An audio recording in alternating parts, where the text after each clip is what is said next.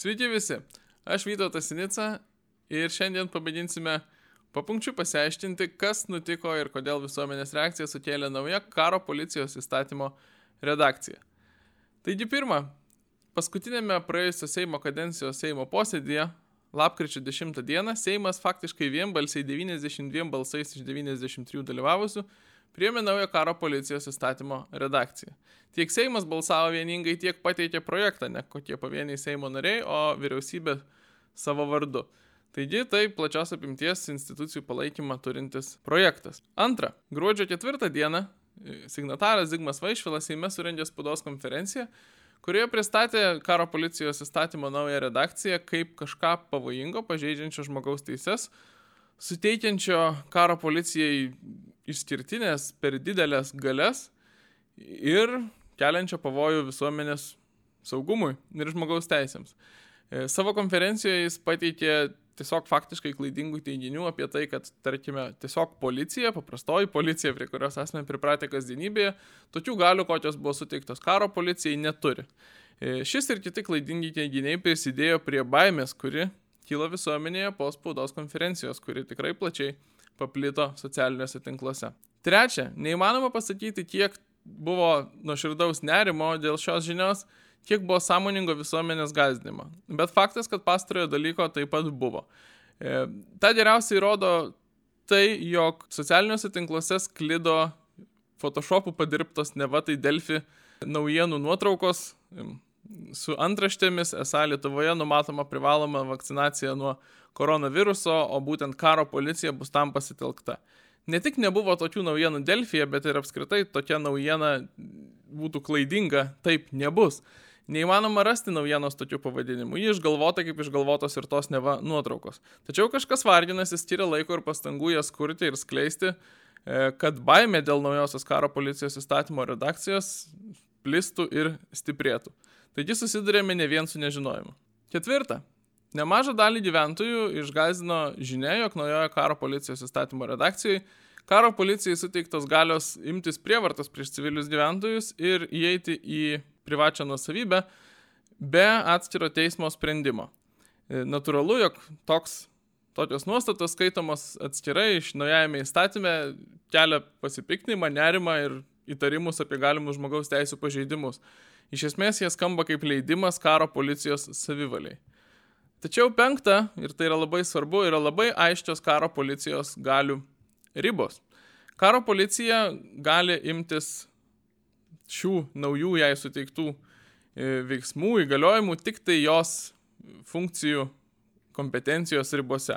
O tas ribas labai aiškiai nustato karo policijos įstatymas, tiesiog tai yra daroma kitoje vietoje, negu kad nurodomos tos galios imtis prievartos ir įžengti į žmonių nusavybę. Noriu pacituoti. Įstatymė rašoma, kad žmonių nerimą sukėlusius veiksmus karo policijos pareigūnai gali atlikti vykdydami pareigas, kitoje vietoje nurodoma, kad karo policijos pareigūnų pareigos yra teisės pažeidimų prevencija, jų atskleidimas ir tyrimas, tvarkos ir drausmės karinėse teritorijose ir kariuomenėje palaikymas. Ir tik šiose ribose galimos bet kokios karo policijos pareigūnų galios. Taigi, karo policija, net ir su naujosiomis galiomis, gali jas naudoti trimis atvejais. Kai vykdomi nusikaltimai karinėse teritorijose, kai nusikaltimus vykdo kariuomenės subjektai ir kai vykdomi nusikaltimai prieš kariuomenės subjektus. Trys atvejai ir jokie kiti. Policija, įprastoji policija, su kuria nuolat susidurėme, kurią matome gatvėse, yra ir bus ta institucija, kuris spręs visus nusikaltimų ar galimo nusikaltimo atvejus tarp civilių gyventojų. Šešta. Baiminamasi, jo karo policija įgavo didesnės galės negu kitos tarnybos ir konkrečiai negu policija, kad ji galės savo leisti daugiau ir kodėl iš viso suteiktos tokios išskirtinės galios. Tačiau yra priešingai. Karo policija buvo išskirtinė tuo, kad turėjo mažesnės galės negu visos kitos jėgos struktūros. Ir jeigu, tarkim, policija, valstybės sienų apsaugos tarnyba, specialiųjų tyrimų tarnyba ir kitos galėjo imtis šitų šiandien aptariamų veiksmų, tai yra, tarkim, be teismo sprendimo įžengti į žmonių gyvenamą teritoriją, tai karo policija negalėjo to daryti ir ji buvo išimtinė šito požiūriu. Ir tuo pačiu tai atsako ir į septintą e, klausimą. Septintas klausimas, labai dažnai skambantis dabar žmonių, kurie domisi šitą temą, yra, kodėl dabar, kam to iš viso reikėjo. Tai to reikėjo būtent todėl, kad buvo ilgalaikė praktika situacijų, kai karo policija susidurdavo su ta absurdiška situacija, kai bando spręsti savo kompetencijoje esančius klausimus, neturi teisių atlikti būtinų veiksmų ir tada kviečiasi policiją, ne karo, o tiesiog policiją atlikti veiksmus už ją. Na, chrestomatinis pavyzdys, tarkim, karo policija sprendžia desertyro problemą, įtaria desertyras lepiantis tėvų namuose ar draudės namuose ir negali juos įeiti, turi kviestis policiją, kad policija tai padarytų už juos. Ir karo policija čia prasme yra vienintelė, buvo vienintelė tokia bedantė tarnyba, kuri negalėjo savo kompetencijoje tokių klausimų spręsti pati. Tai buvo seniai prašytas pakeitimas suteikti tas pačias galimybės, kurias turi kitos jėgos struktūros.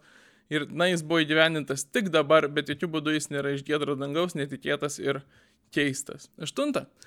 Girdėti aiškinimų, interpretacijų, kad jeigu bus paskelbta nepaprastoji padėtis, apie ką dabar spekuliuojama žiniasklaidoje ir valdžios asmenų, tokiu atveju galbūt visa Lietuvos teritorija būtų traktuojama kaip karinė teritorija ir vadinasi, karo policija būtų ta struktūra, kuri galėtų imtis prievartos e, ne apribotais atvejais, kuriuos išvardėjau, bet visais atvejais. Reikalas tas, kad Lietuvos piliečiams, jums, man, bet kam yra visiškai nesvarbu, kas imsis prievartos nepaprastosios padėties atveju. Nepaprastosios padėties atveju apskritai nebekreipiama dėmesio į piliečių teisės ir laisvės, suteikiama plati diskrecija jas pažeidinėti ir varžyti, na, dėl to, koks būtų apibrieštas valstybės e, interesas dėl kurio ir būtų įvedama nepaprastoji padėtis. Piliečiui visiškai nesvarbu, kuri tarnyba suvaržo ir peržengia jo teisės ir laisvės. Ar tai bus policija, ar tai bus sienų apsaugos tarnyba, ar tai bus, tarkime, teoriškai kariuomenė, ar dar kažkas, na, ar karo policija. Karo policija nėra kažkokia pavojingesnė, piktesnė, galingesnė ar dar kažkokia institucija lyginant su kitomis ir piliečiams tikrai nėra skirtumo, kas pažeis jų teises, kurios gali būti pažeidžiamos, jeigu būtų įvesta nepaprastoji padėtis, reikia tikėtis, manyti ir yra logiška, kad to greičiausiai nebus. O jeigu būtų karo policijos įstatymo prieimimas ir naujos jai suteiktos galios, tikrai neturėtų jokios įtakos tam, kas, kiek ir kaip piliečių laisvės ir teisės varžytų. Devinta, Ir tai yra bendro pobūdžio pastaba liečianti ne tik šitą įstatymą, bet ir bet kokius įstatymus, kuriuos nusprendžiame skaityti ir interpretuoti patys. Įstatymų tekstų skaitimas ir interpretavimas savarankiškai remiantis tiesiog sveikų protų ir logika dažnai veda prie klaidų ir nesusipratimų. Teisės aktai nepasiduoda tiesiog loginiam aiškinimui. Teisės aktų atskirų straipsnių e, negalima skaityti ir būti tikriems, kad perskaitysime juos teisingai, tiesiog žiūrint juos atskirai. Būtina žiūrėti įstatymo visumą, dažnai būtina žiūrėti kitus įstatymus, dažnai negalima savo leisti interpretuoti, kaip čia tai bus praktikoje taikoma, nes kaip bus praktikoje taikoma apibriežti tipo įstatyminiai aktai, kuriuos priims vykdomosios valdžios institucijos, ar ministerijos, ar žemesnės įstaigos. Ir mes labai dažnai tiesiog skaitydami įstatymą nežinom visko, kaip teisingai suprasti tai, kas jame parašyta. Bet viena aišku, tam, kad galėtum teisingai suprasti konkrečią įstatymo eilutę, reikia būti perskaičius visą tą įstatymą mažų mažiausiai. Darant priešingai, bandant tiesiog remintis logiką ir sveikų protų interpretuoti teisės aktus, labai dažnai atsidurėme situacijose, kuriuose atsiduria ir ne vienas komentavęs socialiniuose tinkluose šį teisės aktą ir kitus teisės aktus. Tai yra matome tarytum labai labai daug prieštaravimų, labai daug loginių prieštaravimų, labai daug dalykų, kurie mums atrodo akivaizdus, o štai kodėl kitiems jie netrodo akivaizdus. Taip yra todėl, kad teisės aktai nesiskaito paraidžiui. Patartina ir naudinga būtų to nedaryti. Dešimta. Apibendrinkime. Primta nauja karo policijos įstatymo redakcija nenumato nieko skandalingo.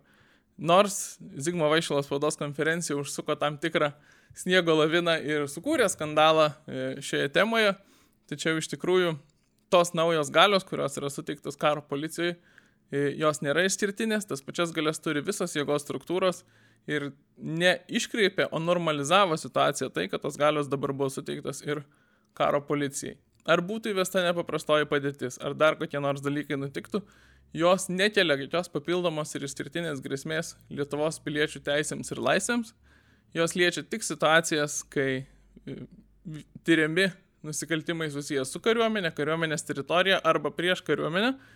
Ir būtent taip reikėtų suprasti tas pataisas, nereikėtų dėl jų bijoti. Kasdienybė beveik niekas su jomis nesusidursime. Ir, na, baimės ir skandalų kelimo čia buvo daugiau negu iš tikrųjų pagrindo nerimauti. Tiek šį kartą šią temą. Ačiū visiems, kad žiūrite. Ačiū prenumeruojantiems mūsų YouTube kanale. Darykite tai ir tie, kas dar to nepadarėte. Kviečiu mus palaikyti Patreon platformoje ir iki kitų susitikimų dar prieš kalėdas. Iki.